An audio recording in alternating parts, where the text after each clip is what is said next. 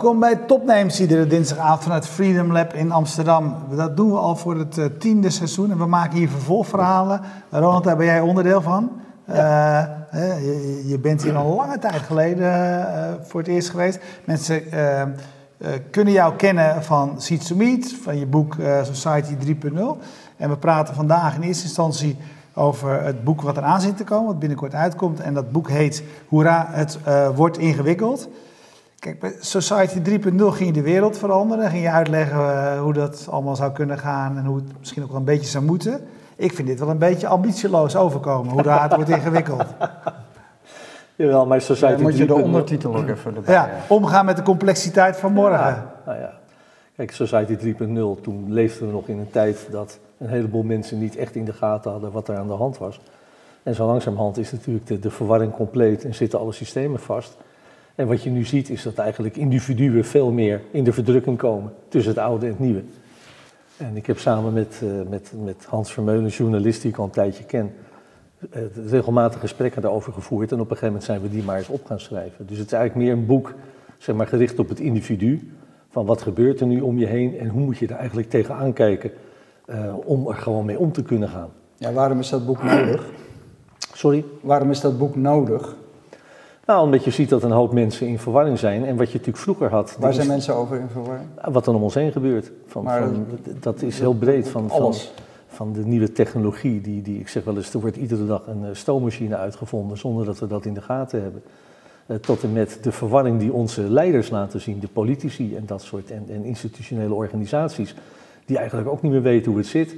Het wordt nu eigenlijk pas duidelijk, waar ik tien jaar geleden al voor waarschuwde, dat het pensioen er al niet meer is zoals het pensioen is, eh, de, de baan voor het leven, eh, dat constant conflicten tussen op die arbeidsmarkt, tussen de nieuwe vormen en de oude vormen. En daar, daar raken mensen nu in verwarring, zo langzamerhand. En als mensen niet in verwarring zijn, dan worden ze in verwarring gebracht door uitermate slechte wetgeving vanuit Den Haag. Die ook iedere twee, drie jaar wat probeer anders nog is. even, in een, een- Ja. even, even te, te plaatsen in een soort eh, kadertje, dat is altijd gevaarlijk. Maar was, was Society 3.0, dat vorige boek, acht, zeven, acht jaar geleden alweer, denk ik. Nou, tien jaar geleden al. Tien jaar geleden ja. al? Ja. Eh, dat was eigenlijk een boek dat, dat vooruit keek en Ja. zei, die kant gaan we op. Hè? Ja. We hadden toen heel erg over trends, waar gaat het heen, wat gaat er veranderen. Nou, je noemde- net al een voorbeeld, pensioen, baan voor het leven, bla bla bla. Is dit eigenlijk meer een handboek? Ja, dit is in die zin meer een handboek. Dat je zegt van nou, wat ik toen voorzag, dat is er nu. Ja, en hoe ga je er dan Maar mee om? hoe ga je daar nou in godsnaam mee om? En hoe zorg je ervoor dat je, eh, dat je jezelf staande houdt? En dat is natuurlijk uiteindelijk wel wat, waar het over gaat op dit moment. Hey, maar als je, eh, eh, toen keek je, keek je vooruit. Eh, als, je, als je nu zelf terugkijkt, had je, had je, het- had je het wel bij het rechte eind? Nou, deels wel. Ik bedoel, het, het is wat mij altijd verbaasd heeft. Ik zei tien jaar geleden al van dat het mij dagelijks verbaasde dat het Malieveld leeg was iedere dag. Nou, en tien jaar later is dat behoorlijk uitgekomen, dat mensen zich toch weer manifesteren. En dat is niet alleen in Nederland, maar dat zijn ook de gele hesjes in Frankrijk. Eh, Dat is natuurlijk een volkomen uit de hand gelopen strijd die ze in Spanje voeren dan met elkaar. eh, tot en met andere landen aan toe. Dus je ziet uiteindelijk zeg maar in heel Europa, laat staan de rest van de wereld, maar laten we het beperken tot Europa, dat daar natuurlijk toch allerlei zaken de kop opsteken en die allemaal een, een teken zijn van een soort strijd tussen het oude en het nieuwe, die steeds duidelijker wordt. En het lastige altijd is, is natuurlijk dat onze bestuurlijke en politieke elite, die raakt dat niet persoonlijk. Maar het is natuurlijk wel heel vervelend als jij 40 jaar gewerkt hebt en je denkt, daar is mijn pensioen. En de laatste vijf jaar word je alleen maar nerveus daarover gemaakt. Weet je, en wordt gezegd, ja, dat werkt allemaal niet zo. Mensen met een spaarhypotheek. En er wordt van gezegd, ja, maar ja, uw huis gaat misschien onder water staan. En dus eigenlijk alle instituties die voor ons zorgden, die moeten nu kleur bekennen. Maar, maar mensen zijn ook, weet je, de, de, het is ook wel aantrekkelijk om instituties de schuld te geven. Hè? Mensen, mensen spelen zelf ook een rol in deze Ja, dingen. hè? Dus de hypotheek die afsluit, daar ben je, daar, daar ben je zelf een onderdeel van. Nou ja, maar dat is natuurlijk wat we ook in het boek schrijven. Dat is natuurlijk eigenlijk de, de valkuil van het oude systeem. Hè, van ga naar school, leer een vak, eh, ga settelen, eh, sluit een hypotheek af en dat soort dingen. En daarmee zit je eigenlijk gevangen in de oude structuren. En dat is natuurlijk prima, zolang die samenleving doet wat die volgens dat systeem moet doen. Maar ja, op een gegeven moment blijkt het zo dat je helemaal geen huis kan krijgen. En dat als je een baan hebt, dat, en of die baan dan zeker is of niet, maar dat je wel heel veel geld moet verdienen om gewoon een, een starterswoning te kopen in dit land. En dat soort dingen meer. We zien natuurlijk het al tien jaar lang aankomen dat er uiteindelijk een CO2-probleem gaat ontstaan. Nou, als de overheid daar dan eindeloos omheen gaat met rekenformules, zelfs als met Schiphol en dat soort ja, op een gegeven moment gaat dat fout. En daar zitten we nu in. Dit zijn, dit zijn hiermee signaleerde problemen. Ja.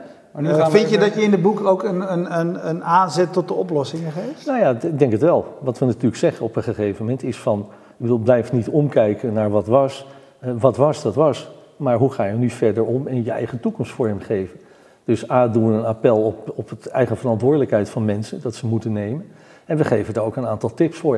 Ik bedoel, je kunt gewoon niet meer alles weten. Je moet op een gegeven moment toegeven dat je over een aantal onderwerpen gewoon niet meer mee kan praten.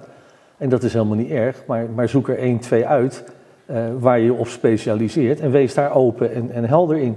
Ik bedoel, wees heel voorzichtig wat je met je data doet.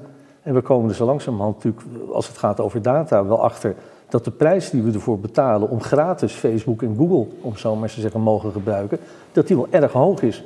ik ben, gelijk, blij dat je gelijk over mijn stokpaardje begint, maar uh, um, ik wilde toch maar eventjes um, het concreet maken met jouw welnemen. Want, ja. uh, ik noemde net het woord handboek en dat komt ook een beetje door je hoofdstukindeling die ja. uh, wij net zaten te bespreken ook voor de, voor de uitzending. En dat zijn eigenlijk hele, de, de, de, titels van de hoofdstukken zijn eigenlijk heel concrete tips. Um, zullen we daar gewoon eens even, vind je het een goed idee? We, we beginnen bij het begin en we kijken gewoon hoe ver we komen in je boek. Hoofdstuk 1. Accepteer complexiteit of hoe je begint met echte keuzes maken.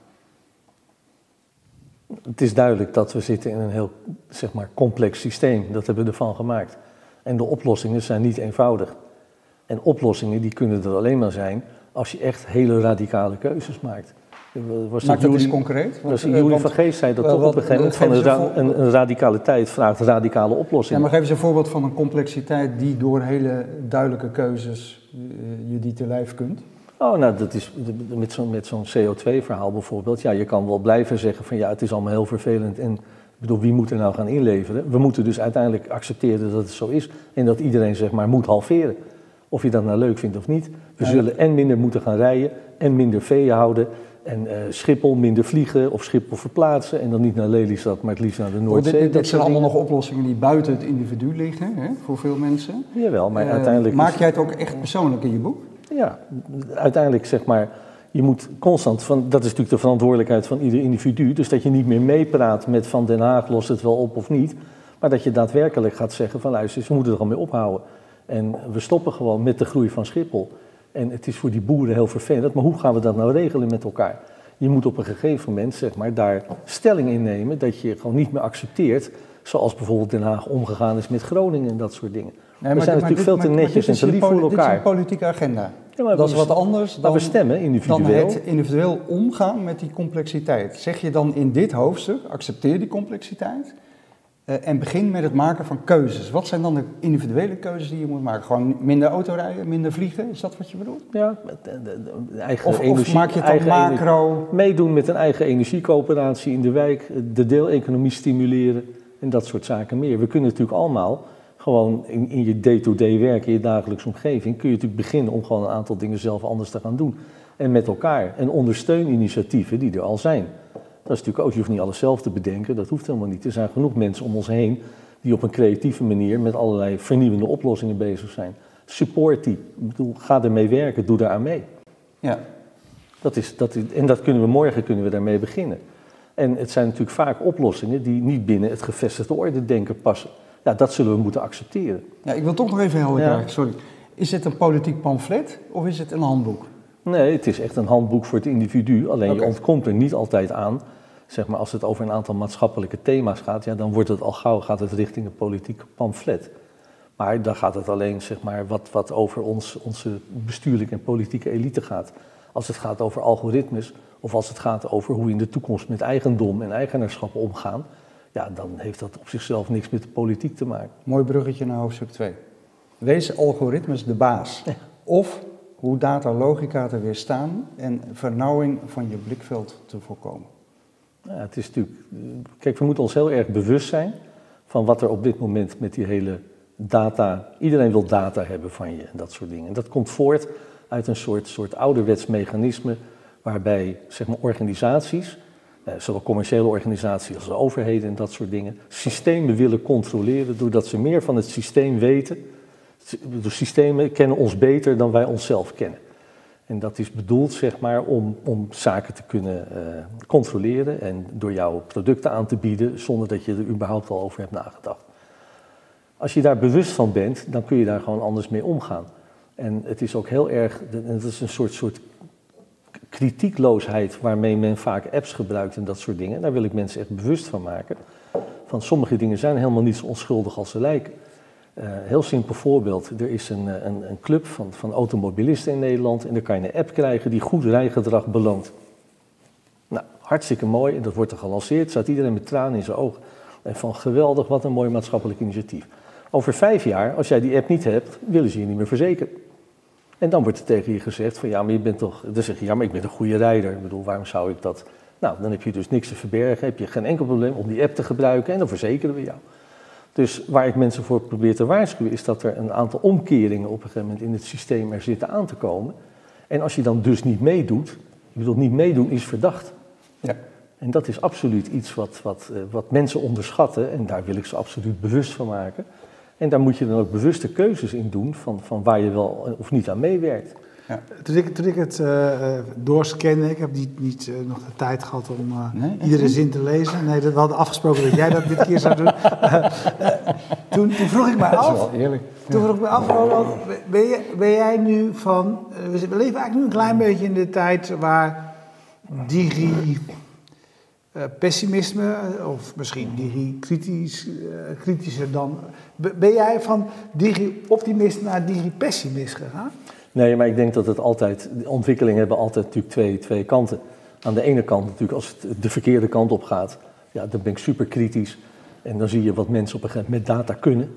En ook gewoon misbruik van kunnen maken. Aan de andere kant moeten we ook niet vergeten dat als je het op een juiste manier gebruikt, zeg maar, die hele nieuwe technologie ons wel als individu in staat stelt ons te verbinden met andere individuen, daar initiatieven mee te ontplooien. En ja, daarmee kun je eigenlijk wel zeg maar, eh, zelfs economische waarde creëren met elkaar, zonder dat er sprake is van een formele organisatiestructuur of zonder dat je per definitie geld hoeft te verdienen. Dat is natuurlijk de mooie kant van de nieuwe technologie. Het empowert ons ook. En dat is natuurlijk een kans die we, die we wel moeten gebruiken. Want daar liggen natuurlijk uiteindelijk ook de oplossingen. Ja, want als jij, jullie hebben zelf een, een, mooi, mooi, netwerk als, uh, als waarvan een van de beloftes is, het algoritme gaat je helpen om mensen te vinden die, ja. uh, waar je wat aan kan hebben, zeg maar, dat je wel iets aan elkaar kan hebben. Um, op welk moment, het is eigenlijk eenvoudiger om te zeggen, algoritmes zijn slecht. Uh, en jij zegt nu, ja, weet je, dat kan allebei zijn. Dat maakt deze tijd ook zo ingewikkeld. Hè? Natuurlijk. Ja, ja. Het is simpeler om te zeggen, fuck alle algoritmes. Dus in jullie eigen, in jullie, in jullie setting, wanneer, wanneer, wanneer werkt volgens jou een algoritme goed? Of, of hoe kan je dat herkennen als, als, als, als uh, gebruiker? nou, wat ik denk, dat, dat algoritme van Seedsmeet, waarbij we mensen matchen die elkaar niet kennen, ik denk dat dat een mooi voorbeeld daarvan is. Dat is eigenlijk zeg maar, een, een manier waarop mensen elkaar kunnen ontmoeten, waarbij, maar, waarbij ze zelf bepalen wat voor data ze ter beschikking stellen aan het systeem wij noemen dat een paspoort, dus iedere gebruiker heeft zijn eigen paspoort. Een soort data wallet, om het zo maar eens te noemen. En daarmee bepaal je zelf op een gegeven moment wat je daarvan koopt en wat je dus wil delen. En op het moment dat je iets deelt, krijg je ook meteen iets voor terug. Dus het heeft daadwerkelijk waarde voor jou op dat moment, dat kan je beoordelen. De volgende stap is die we daarin maken, en dat, dat duurt nog een maand of twee, dat we inzichtelijk maken waarom het algoritme doet voor jou wat hij doet. En op dat moment moet je dat algoritme ook meteen kunnen beïnvloeden. Dingen kunnen uitzetten, dingen kunnen weggooien. En dat is een ontwikkeling. Dus, dus, ja, dus het algoritme zelf hoeft niet altijd transparant te zijn. Want je hebt een aantal algoritmes die zo ingewikkeld berekeningen en dingen doen, dat kunnen we toch niet meer snappen. Maar hij moet als het ware wel op individueel niveau een soort verantwoording aan je afleggen. En dat vind ik een transparantie. Dan gaat een algoritme zin hebben en dan leren we er ook mee omgaan. En dan bepaal je uiteindelijk zelf wat je ermee doet. En dat is dan meteen een stapje ook eigenlijk naar zeg maar, een volgende fase in die hele organisatiewereld, organisatiedenken. is dat je daarmee, zeg maar, je data die zijn van jouzelf. En dat betekent dat je de ruimte komt voor een soort gedecentraliseerd eigenaarschap. Dus een modern soort van coöperatie. Want uiteindelijk bepaal je zelf met elkaar wat je met die data doet. En een organisatie zoals Seeds to Meet, die faciliteert eigenlijk alleen maar dat proces. Dat betekent overigens wel dat wij natuurlijk als seeds to meet niet niks kunnen met die individuele data. Dat heeft daarmee geen waarde en beïnvloedt dat vanuit de oude bril gezien Maar- de maar- waarde van het bedrijf enorm. Maar zeg je in wezen dat, dat iedereen er toch naar zou... Je zegt wezen algoritmes de baas. Dat je eh, minimaal moet begrijpen wat zo'n algoritme doet. Zonder het algoritme zelf te Ja, begrijpen. Maar ja, dat je de ja. consequenties daarvan Exact. moet... Dus zo'n algoritme moet eigenlijk aan jou, begrijpen. ja, zo'n algoritme moet jou eigenlijk verantwoording afleggen als die jou met Klaasje matcht Precies. waarom hij dat doet. ja, en jullie gaan dat in de praktijk ook doen. En op dat moment moet jij ook in staat zijn om te zeggen, nou dat was leuk, dat wil ik niet meer. Ik wil dat nu eh, aan en uitzetten, een aantal elementen daaruit, op een, op een hele toegankelijke manier. En dat vervolgens dat algoritme dan dus jouw andere mensen Ja. gaat Het presenteren. gaat over Ja. de controle. Het gaat Hey, om- en dat steeds baas steeds een stapje verder. Ik wil Ja. gewoon even checken of ik zelf op het goede pad ben. Want Mhm. ik merkte zelf heel erg dat toen ik weer eens een nieuwe telefoon ging kopen, dat de stap van de vingerafdruk naar de gezichtsherkenning, die, daar voelde ik weerstand. Ik dacht van nou die vingerafdruk prima, weet je, dat, daar heb je niks aan in de openbare ruimte. Er gaat niemand me herkennen op straat, noem maar op. Ja. Maar de gezichtsherkenning, dacht ik, ja dat wil ik gewoon niet. Nee, maar dat is natuurlijk het gevaar. En toen kocht ik een, ik denk nou, een nieuwe iPhone, maar ik nam niet de, de X, maar ik nam gewoon de 8 met een vingerafdruk. Ik denk, ja, ik ben de, Precies. de voorloper en wat doe ik? Ik neem En een oude dus, telefoon. dan ben je op dat moment de baas van je eigen data. En ik loop Ja. achter hem aan, dus Dat die ik ook. dat. Ja, maar en, en Ja. dan is en het toen ook- las ik vandaag in de krant dat China eh, eh, voor elk telefoonabonnement tegenwoordig een gezichtscan verplicht gaat stellen, omdat ze, Nou ja, kijk, China is natuurlijk een andere, een andere Nou, cultuur, een ander land. Nee. als, ik, als ik dat denk. nee, helemaal niet. Want China past natuurlijk, dat heet de eerste wet van de cybernetica, dat je dus als je een systeem, een systeem van mensen wil controleren, moet je meer van die mensen weten dan ze van zichzelf weten. Dan kun je ze controleren. Nou, China is daar een schoolvoorbeeld van hoe dat gaat. Maar onderschat daar in Nederland natuurlijk ook. Hè, met de wet Siri en dat soort zaken zijn we ook keihard gewoon mensen aan het profileren hier. Zonder Ja. dat we het in de gaten hebben. Onze inlichtingendiensten die zijn van de week weer aangesproken door de toezichthouder. Dat ze weer ontzettende bakken data zitten te scrapen. En die zo ongezien maar weer aan het en buitenland delen met uitdelen. Jan en Alleman. Ja. Met delen met Jan Alleman. En vervolgens eh, heb ik niemand in de Tweede Kamer daarover gehoord. Nou, daar maak ik me zorgen over. Want dan zijn we dus niet meer de baas over onze eigen algoritme. Oké, sanity check geslaagd. Hoofdstuk 3. Concentreer je kennis. Of hoe effectief en relevant te zijn in een overvol communicatielandschap. Nou ja, dat is natuurlijk wat ik net al zei. Er wordt iedere dag, zonder dat het in de gaten en bestoommachine uitgevonden. En je kan gewoon niet meer alles weten. Wij hebben het vaak hier en aan deze tafel over, hè, over het internet en de technologie daaromheen.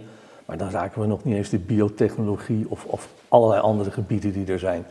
Weet je, van een robotiseren, verzin het allemaal maar. Tot wat er in, in de laboratoria gebeurt, In in, de de, nano, ruimte. Dat is eh, allemaal in nanosferen. Eh, Je kunt dat allemaal niet meer begrijpen. Dus dat betekent dat onze tip is: zoek nou één of twee onderwerpen uit. En probeer daarin bij te blijven. Dat is gewoon heel praktisch. En laat de rest dan over aan anderen. En als je dat met elkaar deelt en je accepteert en je respecteert elkaars mening daarin, ja, dan is dat wat het is. Je moet keuzes maken daarin. Je kan, Ja. Maar wat kan je- dat niet je- meer allemaal weten. Nee, je kan het niet allemaal weten, Ja, maar, maar ook, maakt- wat je vroeger had, de bronnen als kranten en, en tv en journalistiek. Ik wil, ja, dat is ook afgevlakt. Die, spreken, die zeggen niet meer de waarheid. Als je iemand, ik sprak van de week nog, zat ik op een sessie van de, de gemeente in Utrecht. Als ik daar het niveau zie van sommige fractieleden, die hebben geen flauw idee waar het over gaat. Maar dat zijn wel beleidsmakers. Nou, daar, daar kun je ernstig zorgen Ja. over maken. Maar dat is natuurlijk ook bon ton in onze kring, hè, om te roepen dat Den Haag er helemaal niks van snapt. En, eh, Ja, maar het trieste is dat het ook zo is. het echt zo is. Het is echt Ja. erg.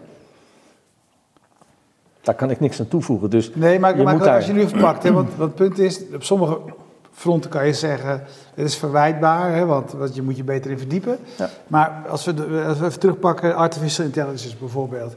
Kijk, hiervoor kon ik eigenlijk alle technologieën nog wel een beetje, de logica ervan snappen. Ik, ik kon met de programmeur praten, et cetera. Maar als, het over als, je- als je dit gebied ingaat, dan heb ik, als ik heel eerlijk ben, geen idee. Nee, maar ik- behalve in hele grote niet. lijnen. Maar ik, ik heb er wel voor gekozen dat ik me wel realiseer wat ik er binnen mijn bedrijf mee zou kunnen. En onder welke voorwaarden ik, eh, wij er mee werken op dit moment. En daar kun je natuurlijk wel degelijk een, een mening of een beeld over hebben.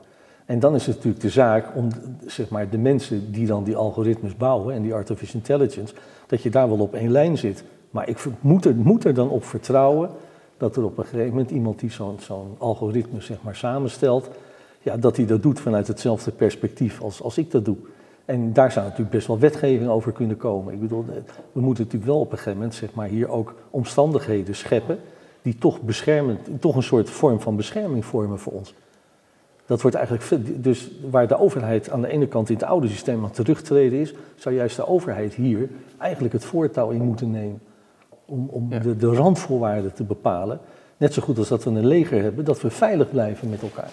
Ja, de, de, we kunnen helemaal niet alle hoofdstukken behandelen, nee. want er zijn er veel te veel. Maar ik, ik ga er toch even eentje uitpakken waar ik heel blij van werd. Ik heb hem nog niet gelezen hoor, zeg ik mhm. eerlijk bij, want ik ben aan het begin begonnen, je bent nog niet aan toegekomen. Maar ik ga ook even uitleggen waarom. Je zegt gebruik je hoofd als voornaamste reislocatie of hoe slimme reflectie, noloze stress en milieubelastende mobiliteit voorkomt. Het gaat natuurlijk over, ik, ik ben een grote liefhebber van het lezen van reisboeken of uh, romans die in een ver buitenland spelen. Ik vind het echt fantastisch. En ik heb heel vaak in toenemende mate, denk ik ook heel erg, ja, ik, ik ben helemaal niet zo'n reiziger. Ik vind het ook helemaal niet zo leuk, eerlijk gezegd. Dan ben je eigenlijk heel raar al. Uh, ik ga eigenlijk liever met mijn bootje naar de Waddenzee, dat vind ik fantastisch. terwijl ik ben wel heel erg geïnteresseerd in al die landen. Maar dat kan ik ook uit boeken halen, zeg ik altijd. Is dit wat je bedoelt? Nou, deels.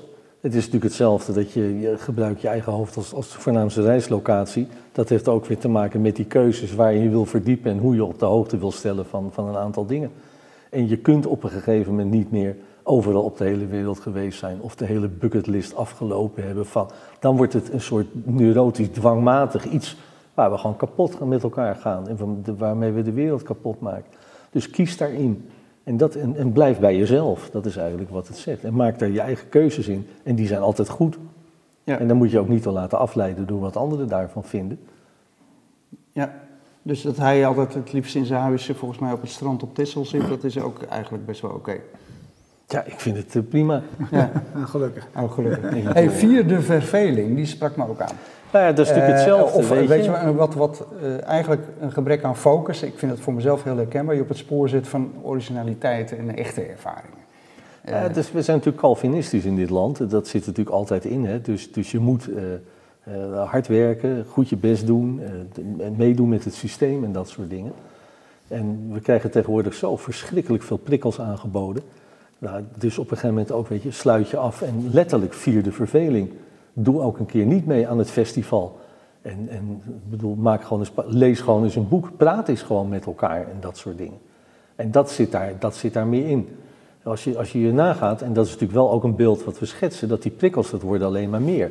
je hebt tegenwoordig oren, die horen tien keer zo goed als het menselijk oor. Dat gaan we krijgen. Eh, je hebt lensjes, dan kun je zes keer zo goed zien als het menselijk oog ja, wat gaat dat in godsnaam met ons brein doen? Dan krijg je nog meer prikkels. En dan kan ik op 100 meter afstand lezen wat iemand op zijn laptop zit te doen. Word ik daar nou zo blij van? Weet je, ik bedoel, wat is de toegevoegde waarde eigenlijk van al dat soort dingen? Kijk, die wetenschap die gaat wel door en die technologie gaat er ook wel door. Maar, ja, hoe, maar hoe, maar hoe uh, denk je erover na? Want het punt is, dat gold natuurlijk ook toen, het bekend onderzoek van KPN. Uh, eh, Michiel Buitelaar, die ook de gast geweest in het opnemenswerk, toen bij KPN ging een onderzoek doen naar mensen. Zou je het fijn vinden als je bij de slager vandaan even een berichtje naar huis kan sturen om te vragen of, of, je nog iets moet kopen? Nou, niemand vond dat waardevol. Iedereen heeft natuurlijk de hele dag nu zijn mobiel. Dus eh, het is, eh, weet je, als, je, als je er zo naar kijkt. Uh, dacht je, zou je natuurlijk nu heel goed kunnen zeggen, wat, ja, weet je wel, heeft die mobiel ons iets gebracht? Ja, brengt ons heel veel en tegelijkertijd is belasting. dus het is, die twee kanten zitten natuurlijk aan al, ja, al de ene mens zal er beter mee om kunnen gaan dan de andere. Ik bedoel, dat blijft ook. Maar op een gegeven moment moet je daar toch een keer zeggen van, wat zijn je keuzes? Ik bedoel, je kan niet, je kan niet alles willen en alles doen, maar dat, dat wordt bijna wel, krijgen we dat gepresenteerd alsof dat moet. Ik zeg wel eens voor de, voor de grap, weet je, jeugd heeft iedere avond een festival en als er geen festival is, gaan ze er zelf eentje maken. Ja, bedoel, hou even op joh. Ik bedoel, uh, ja, er zijn ook andere dingen gewoon daar. Is het ook dat mensen... Ik, ik, uh, Als je niet in Ubud hebt gecoworked, dan weet, tel je Weet je nog, mee. Erwin, dat, dat, toen wij dit jaar in Austin waren, dat we met een paar van de jonge gasten zaten te praten. Uh, en dat we die eigenlijk zaten uit te vragen hoe ze aan hun informatie komen. Hè? En dat, ja. dat mensen er eigenlijk ook helemaal geen tijd meer voor hebben. Want die hebben zoveel prikkels, ze hebben het zo druk, dat eigenlijk lezen dan geen krant, maar hebben het idee dat ze het nieuws wel goed bijhouden, omdat ze eigenlijk het nieuws wat hun via Twitter aangeboden wordt, uh, daar allemaal op klikken en dan heel veel daardoor, de, deze gozer werkt in de sportwereld, dus die kregen uit zijn biotoop heel veel berichtjes uit het ADI over sport. Weet je, is dat ook wat jij bedoelt? Dat, dat mensen hebben überhaupt geen tijd meer om zich eens te vervelen en te denken, joh, uh, heb ik nog een leuk boek liggen? Nou, niet alleen dat, we uh, raken natuurlijk de krant daarmee. is. Nee, maar je uh, raakt natuurlijk ook al die prikkels, zeg maar, een stuk vaardigheden kwijt. Ik bedoel, zet maar eens jonge mensen in de stad en neem hun telefoon af. Ze hebben geen flauw idee waar Noord, Oost, Zuidwest ligt. Ik bedoel, er is een hele generatie aan te komen die heeft geen flauw idee dat Parijs ten zuiden van Amsterdam ligt. Ik bedoel, dat zijn wel dingen, ja, is dat erg of niet, dat weet ik niet. Maar daar kun je natuurlijk op een gegeven moment wel over nadenken met elkaar. Ja. En, en dat is dat moment van neem eens reflectie en, en kijk ook eens gewoon naar de geschiedenis, daar is niks tegen. Ik bedoel, niet al het oude is per definitie fout. En als je in staat bent om die verbinding te maken tussen het verleden, het heden en de toekomst, ja, dat geeft ook een soort rust. Want dan, dan heb je weer overzicht in wat Ja. er gebeurt. Zonder dat je alles snapt. Hey, of zonder dat je alles klinkt, hoeft te weten. Je klinkt niet heel vrolijk, eh, Ronald. Tien jaar geleden zaten we hier volgens mij nog met, met nou, toch best ook wel heel veel eh, visioenen over hoe technologie de wereld ging verbeteren. Ja. Nou, kijk, Ho- niet ik dat nog vergeten bij je? Niet? dat je natuurlijk in de, in de, bedoel, er zijn operatierobots, om het maar over de robotisering te hebben, die meer kunnen dan mensen. Ja, dus die zorg is ontzettend verbeterd. De technologie heeft natuurlijk wel voor een hoop verbetering gezorgd. De verbondenheid van mensen over de hele wereld zorgt er wel voor dat een aantal partijen mee kunnen doen. Maar het heeft plussen en minnen. En in dit geval is het, ja, hoe ga je daar als individu mee om? Nou, dat is knap lastig Dat is natuurlijk. niet makkelijker Dat is echt niet, dat is er zeker niet makkelijker op geworden. En daarom zeg ik ook, het wordt ingewikkeld. Het wordt nog veel ingewikkelder. Ja, Dus wat ik wat, wat lastig vond als tip Ja. was, neem vrolijk afscheid van het traditionele kapitalisme. Ja. Wat bedoel je daar nou mee? Wat we daarmee bedoelen is dat je vaak zegt van, van het oude werk niet, of, of dat we zeggen van nou weg met daarmee. Of, je kan ook best trots zijn over wat de afgelopen 200 jaar ons als samenleving, die diverse systemen, afhankelijk van het land waar je woont, ons gebracht hebben. En dan moet je alleen ook meteen erkennen van ja, dat zijn systemen, dat zijn economische modellen, dat is. eh, Die zijn maar. gewoon klaar. Dat is gewoon klaar, af. Wees daar ook Werkt niet, cynisch over. Het Ja. werkt, zeg gewoon tegen elkaar, het was hartstikke top wat we gedaan Ja, we hebben. zitten er goed bij, we hebben het allemaal Fantastisch, prima. Maar nu verder. En, en dat bedoelen we van, van, weet je, en dan moet je ook op een gegeven moment dat durven erkennen. En dat was natuurlijk wel het aardige wat je steeds tegenwoordig, zo'n zo, zo'n Remkes die zegt van ja, die CO2 dit, ik ga niet met de snelle rekenmethode komen. Ik zeg alleen, wat we hadden, dat is niet meer goed. We kijken vooruit en wat gaan we nu doen met elkaar? Dus dat is wat we bedoelen met van, van neem op een vrolijke manier afscheid. Dat was prachtig, het heeft meer dan 200 jaar geduurd, zeg maar, dat hele systeem na de eerste industriële revolutie. Ons voor welke gedaan. partij is dit nou eigenlijk het verkiezingsprogramma? Deze Ja, dat 12 is natuurlijk het probleem. Dat past eigenlijk nergens in. Want een aantal van die, van die partijen hebben natuurlijk geen flauw idee. Die hangen nog steeds in die oude Maar ben je al gebeld? Nou, wat ik, dat ik me kan voorstellen is dat er is zo- zo'n nieuwe Europese jongerenpartij, Volt. Ja? Ja? En ik denk, ja, daar moet het vandaan komen. Ja, en dan een zou dit zomaar zo'n lijstje kunnen zijn. Daar zou dit een heel mooi lijstje voor kunnen zijn. Hey, wanneer, wat, wat, wat wil je met, je boek, met dit, dit boek bereiken? Wanneer ben je tevreden? Ik ben tevreden als ik, als ik één iemand gerust kan stellen. Of als ik één iemand zeg maar iets kan aanreiken. Dat die inderdaad denkt van, hey, als ik wat afstand neem, kan ik het weer overzien. En, en eh, ja, kan ik weer voor mezelf staan en mijn eigen beslissingen nemen. En, het eh, liefste meer. Ik bedoel, want zo ambitieus ben ik dan ook wel weer natuurlijk. Ja, en, en eh, ik, ik, als, als, als ik nu eh, Society 3.0 heb je eerder geschreven. We hadden Ja. even een, een voorgesprek. Eh, en je zei al van ja, dit is, niet mijn, dit is niet, in principe niet mijn laatste boek. Je weet nooit, zeg maar. Misschien stop je met schrijven. Maar Society 4.0 boek, dat moet er ook nog wel komen. Wat, ja, wat, dat, dat ben ik wel van plan. Ja. Om te beginnen wil ik volgend jaar met een boekje komen wat gaat over die nieuwe arbeidsmarkt. Want tegen die tijd is het rapport van de commissie Borslab eh, bekend. Eh, En vanuit Seeds to Meet zijn we natuurlijk altijd bezig met coworking en de nieuwe vormen van samenwerken en economische waardecreatie. Dus dat zal ook nog iets van een tussenboekje worden. En dan uiteindelijk weer nog wel een keer Society 4.0 schrijven. Die URL heb ik overigens al tien jaar. Oh ja? nou ja, dat is, dat is, heel, dat is heel belangrijk, eh, belangrijk om te hebben. Ja, super eh, Ronald, hartstikke bedankt. Eh, volgende week komt het boek uit, toch? Volgende week komt het uit. Ja, en Op de eh, site kan je wordt het, hoeraingewikkeld.nl, daar kun je hem natuurlijk, zoals jullie van mij verwachten, kun je hem free downloaden. Ja. Ja. Natuurlijk. Ja, dat hoort en je wel kan hem bij ook, ja. En je kan hem ook kopen in de boekwinkel, want dat is papier, ja, daar moet je voor betalen. Ja. Eh, er komt ook nog een luisterboek als een soort podcastvorm en dat soort dingen, om hem wat toegankelijker te maken. Uh, dus we gaan eigenlijk nu dit najaar gaan we dat nog op een bepaalde manier zeg maar, onder de aandacht brengen bij de mensen. Dus dit was een mooie kick-off. En wij denken best vaak als we, als we een boek geschreven hebben van la, dit is de laatste keer. Maar ik heb bij jou niet het gevoel dat dat zo is. Het is zoveel werk man, zo'n boek. Ja, maar het is toch ook een heel leuk proces. En als je, ik had in dit geval geluk dat ik een hele goede co-auteur had, waar het gewoon goed mee klikte. En dan, dan help je elkaar en stimuleer je elkaar. En dat is natuurlijk altijd, uh, altijd prettig. Ja, Hans van Willenburg, Hans, Hans van Willenburg is, die, uh, is die co-auteur. Nou goed, volgende week komt hij uit en volgens mij is er ook nog een, uh, een feestje bij uh. Ja, aanstaande maandag tussen vanaf vijf uur is de boeklounge, dus iedereen, iedereen van harte welkom. welkom. Utrecht, iedereen welkom. Utrecht, Utrecht Meet Utrecht, Hoogkaterijnen. Ja. Vijf uur. Als je er nooit geweest bent, sowieso. Uurtje naar mij luisteren en daarna biertjes. Ja. ja. hartstikke goed. Ronald, ontzettend bedankt. Jullie bedankt voor het kijken. En we bedanken zoals altijd PQR voor de hosting van de website. Um, Even kijken. Beaches, beaches, beaches. Bier en Co. Bier en Co voor de beaches. En dan hebben we Jetstream, overigens ook leuk. Uh, is ooit, voor mij vieren ze nu 25 jaar streaming of iets dergelijks. Volgende week, uh, 1 november is het. Uh, wordt er een documentaire gepresenteerd in Groningen. Ik probeer daar naartoe te gaan, want uh, dat is echt een van de eerste streamers van, van Nederland. Ehm, nou, Stefan de Ziel is dat. Daar kun je dan naar gaan kijken. En dan hebben we tot slot nog Freedom Lab, uh, van waaruit wij iedere dinsdagavond uitzenden. Dan nog even, inderdaad, maandag 4 november, 25 jaar geleden, dat de eerste videostream werd uitgezonden vanuit Simplon in Groningen.